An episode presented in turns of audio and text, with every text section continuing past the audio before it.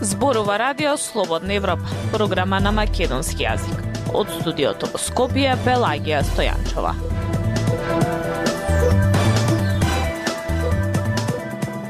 Во денешната емисија на Радио Слободна Европа објавуваме Американскиот дипломат Габриел Ескобар од Скопје порача «Не сум дојден да вршам тортура».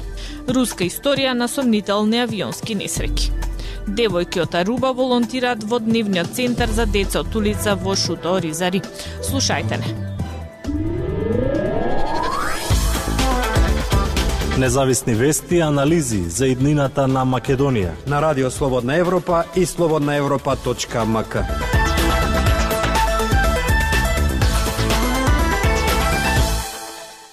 На Европа и на Соединетите држави им требате во Европската Унија. Е дел од денешните пораки на американскиот висок представник Габриел Ескобар на средбите со македонскиот премиер Димитар Ковачевски и со опозицијскиот лидер Христијан Мицкоски. Ескобар е задоволен што отпочнал процесот за уставни измени и очекува тој да продолжи. Зорана Гаджевска-Спасовска. Европската унија и Соединетите Американски држави имаат потреба од вас. Вие сте стратешки партнер и близок пријател. Некој кој имал директна корист од тоа партнерство. И вие сакаме да имате корист од тоа партнерство во носењето на тешките улуки кои ќе донесат посветла иднина. Порача на 25 август заменик помошникот државен секретар на Соединетите Американски држави Габриел Ескобар за време на посетата во Скопје. И по средбите на Ескобар со премиерот Димитар Ковачевски и лидерот на опозицијската ВМРО ДПМН Христијан Мицковски. Власта и опозицијата останаа на истите с протеставени ставови за уставните измени според тоа што го соопштија во јавноста. Ескобар по средбата со неговиот прв денешен домаќин, премиерот Ковачевски, изјави дека му е мило што во земјава отпочнал процесот на уставни измени во собранието и се надева дека ќе проложи. Сакам да кажам, да кажам дека нема никого да да го подложувам на тортура овде. Сакам јасно да посочам дека САД не избира влади за земјите на НАТО. Меѓутоа поставуваме очекување и единствената работа за која што ќе зборувам е да ја дадам истата порака која што ја ширам во регионот дека САД ги гледа како природни партнери оние кои што се посветени на европската интеграција на НАТО и на борбата против корупцијата и сакам тоа јасно да го посочам. Изјави Ескобар во пресрет на средбата со лидерот на опозицијската ВМРО да ДПМН Мицковски. Мицковски пак денови изјави дека нема да дозвола тортура и притисоци врз партијата од меѓународната заедница со цел да се обезбеди двотретинско мнозинство во парламентот за уставните измени. Од ВМРО да ДПМН е по средбата со Ескобар што се одржа во американската амбасада во Скопје. Соопштија дека лидерот на партијата Христијан Мицковски заедно со подпредседателот на партијата Александар Николовски го повториле ставот за уставните измени. Председателот Мицкоски потенцираше дека актуелната власт во Македонија за многу внатрешни политички прашања погрешно ја информира меѓународната заедница, вклучително и Соединетите држави. Се вели во нивното соопштение. Во него се додава дека на средбата Мицкоски укажал дека единствено решение за излез од една ваква исклучително тешка ситуација се одржување на предвремени парламентарни избори. Ескобар со премиерот Ковачевски разговарале за успешниот скрининг процес и за процесот за отпочнување на уставните измени. Ковачевски на пресконференцијата повтори дека Европската унија Македонија е единствената македонска алтернатива и дека секој друг исход ќе значи изолација, а уставните измени се услов кој треба да се исполни. И денес, ако се одвоиме од Албанија, Црна Гора и Србија, никој не гарантира кога и на каков начин ќе станеме земја членка на Европската Унија. И тоа не смее да се случи. Не смее да се држи во залог иднината на граѓаните и иднината на државата во предизборни цели. Тој уште еднаш ги повика пратениците во собранието да се одважат и да гласаат за европската иднина на државата. Ковачевски смета дека билатералните односи со Бугарија се само билатерални и дека тие нема да влијаат на процесот на евроинтеграција. И како што вели, нови барања во преговарачката рамка нема и не може да има. Актуелности свет на Радио Слободна Европа. Што знаеме за падот на авионот на водачот на Вагнер Евгени Пригожин и за други руски воздухопловни катастрофи во минатото, кои исто така ве терат да си ги кренете вегите. Има многу причини зошто Кремљ, некој во Министерството за одбрана или руската разузнавачка зедница би можеле да посакаат Пригожин да е мртов. Тој отворено, а често и вулгарно, оспоруваше како руските команданти ја водат војната против Украина, често навредувајќи ги по име министерот за одбрана Сергеј Шојгу и председателот на генералштабот генерал Валери Герасимов. Бунтот кој Пригожин го започна точно два месеци пред авионската несреќа на 23 јуни, во меѓувреме беше тектонски политички настан во Русија, опишан од директорот на ЦИА како најдиректен напад врз руската држава во 23 години на власт на Владимир Путин.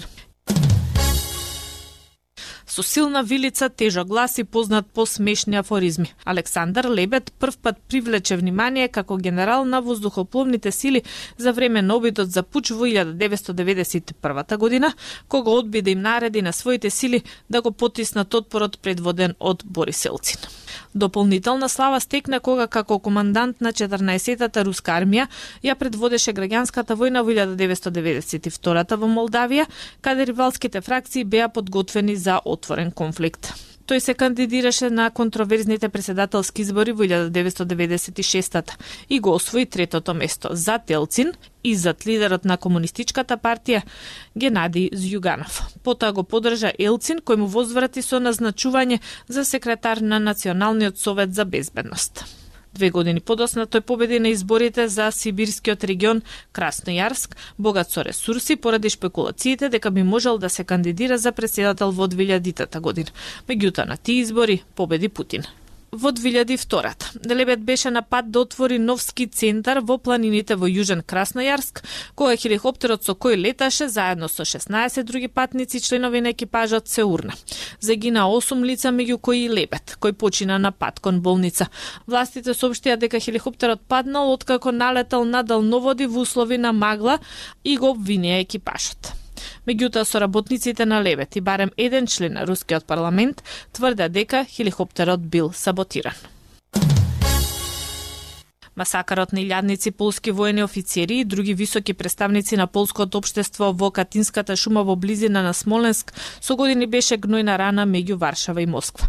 На 10 април 2010 година авион на полските воздухопловни сили со 96 членови на полската влада и нивни роднини полета од Варшава до Смоленск за да одбележат 70 годишнина од убиствата, значај настан во односите на двете зими. Авионот Туполев меѓутоа се урна во услови на магла на приодот кон аеродромот во Смоленск. Сите 96 лица во авионот загина, вклучително и полскиот преседател Лех Качински, началникот на полскиот генерал штаб и десетици воени службеници, пратеници, свештеници и други лица и полските и руските истражители не открија технички проблеми со авионот. Меѓутоа со текот на времето руските и полските заклучоци почнаа да се разликуваат при што некој во Полска тврдеа дека несреќата била намерна, обвинувајќи ги руските контролори на воздушен собраке и спекулирајќи за присуство на траги од експлозив. Радио Слободна Европа, светот на Македонија. На градилиштата ни Скопје гинат и работници и граѓани, бидејќи објектите често се необезбедени според пропишаните стандарди. Сдруженија за заштита при работа обвинува дека градежните фирми многу импровизираат и повеќе се грижат за профитот отколку за животот и здравието на работниците. Владимир Калински Градежниот работник кој доживеа трагична судбина на градилиштето кај старата железничка станица минатиот месец беше меѓу последните смртни случаи кои покажаа дека условите за работа во градилиштата ни Скопје се опасни, но освен за работниците, градилиштата се ризики за граѓаните. Пред само неколку дена во срцето на главниот град имаше застрашувачка сцена кога 66 годишна жена го загуби животот од удар од багер. Опасноста од градилиштата демне низ секој агол во главниот град Скопје. Ако фрлите само површен поглед, се гледа како работници работат на голема височина на згради без заштитни скелиња или мрежи. Ваквите локации се ризик за граѓаните кои минуваат во близина на градилиштата. Неправилностите на градилиштата се бројни и на тоа континуирано реагираме до институциите, но одговорите кои ги добиваме се дека треба да си ја гледаме работата, вели Михаил Петковски од Македонското здружение за заштита при работа.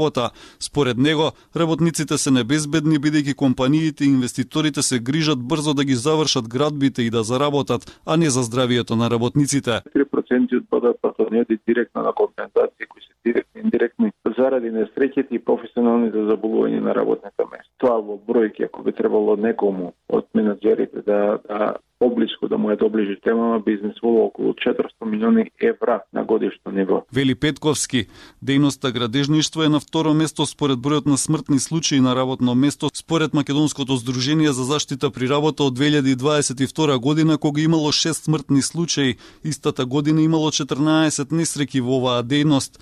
Од Македонското здружение за заштита при работа наведуваат дека бројките во нивните извештаи се конзервативни и дека во голема мера не го отсликуваат вистинскиот број на несреки на работното место во сите дејности, кои во просек годишно изнесуваат околу 1500 според податоците на Институтот за јавно здравје.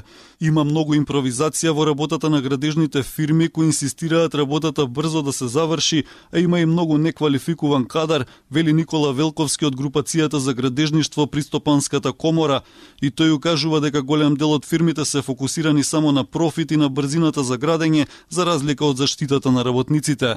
Фирмите мора да имаат овластени инженери, раководители на градилиштето. У најголем дел они го имаат на хартија, го немаат на лице место. Тука треба исто така да се позабават и општинските и републичката или општинските инспекции. Вели Велковски, податоците на Македонското здружение за заштита при работа покажуваат дека македонскиот работник има двојно поголеми шанси да загине на работно место отколку работниците во Европската Унија.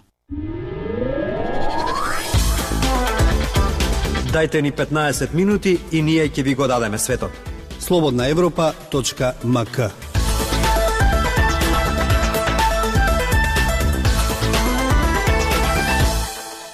Емили и Шантал од Аруба имале неколку опции за волонтирање во странство, но ја избрале Македонија. Во нивниот ангажман тука тие се дружат и учат со децата во дневниот центар за деца од улица во Шуто Оризари.